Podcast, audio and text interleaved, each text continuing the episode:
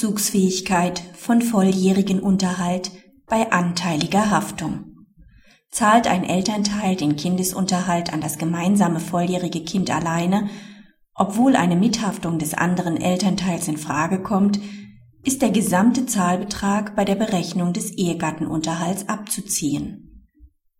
Die seit 1987 verheirateten Parteien lassen sich 2007 scheiden, der Ehemann zahlt unter anderem an ein volljähriges gemeinsames Kind den Barunterhalt in voller Höhe, obwohl eine Mithaftung der Ehefrau möglich ist.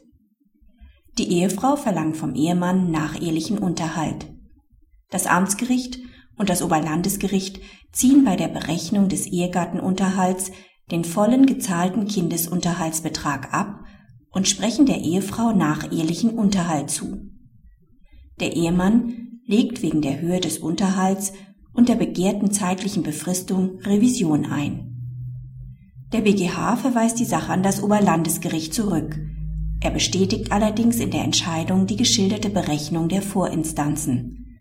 Sind sich die Parteien darüber einig, dass ein Elternteil den gesamten Barunterhalt des volljährigen Kindes trägt, obwohl der andere Ehegatte zur Mithaftung herangezogen werden müsste, ist bei der Berechnung des Ehegattenunterhalts der volle Zahlbetrag anzusetzen. Praxishinweis. Die Entscheidung des BGH beendet die bisher oft üblichen Neuberechnungen der anteiligen Haftung für volljährigen Unterhalt, da die Ehefrau grundsätzlich auch die eigenen Unterhaltszahlungen als Einkommen hierfür einsetzen muss. Dies erleichtert die praktische Handhabung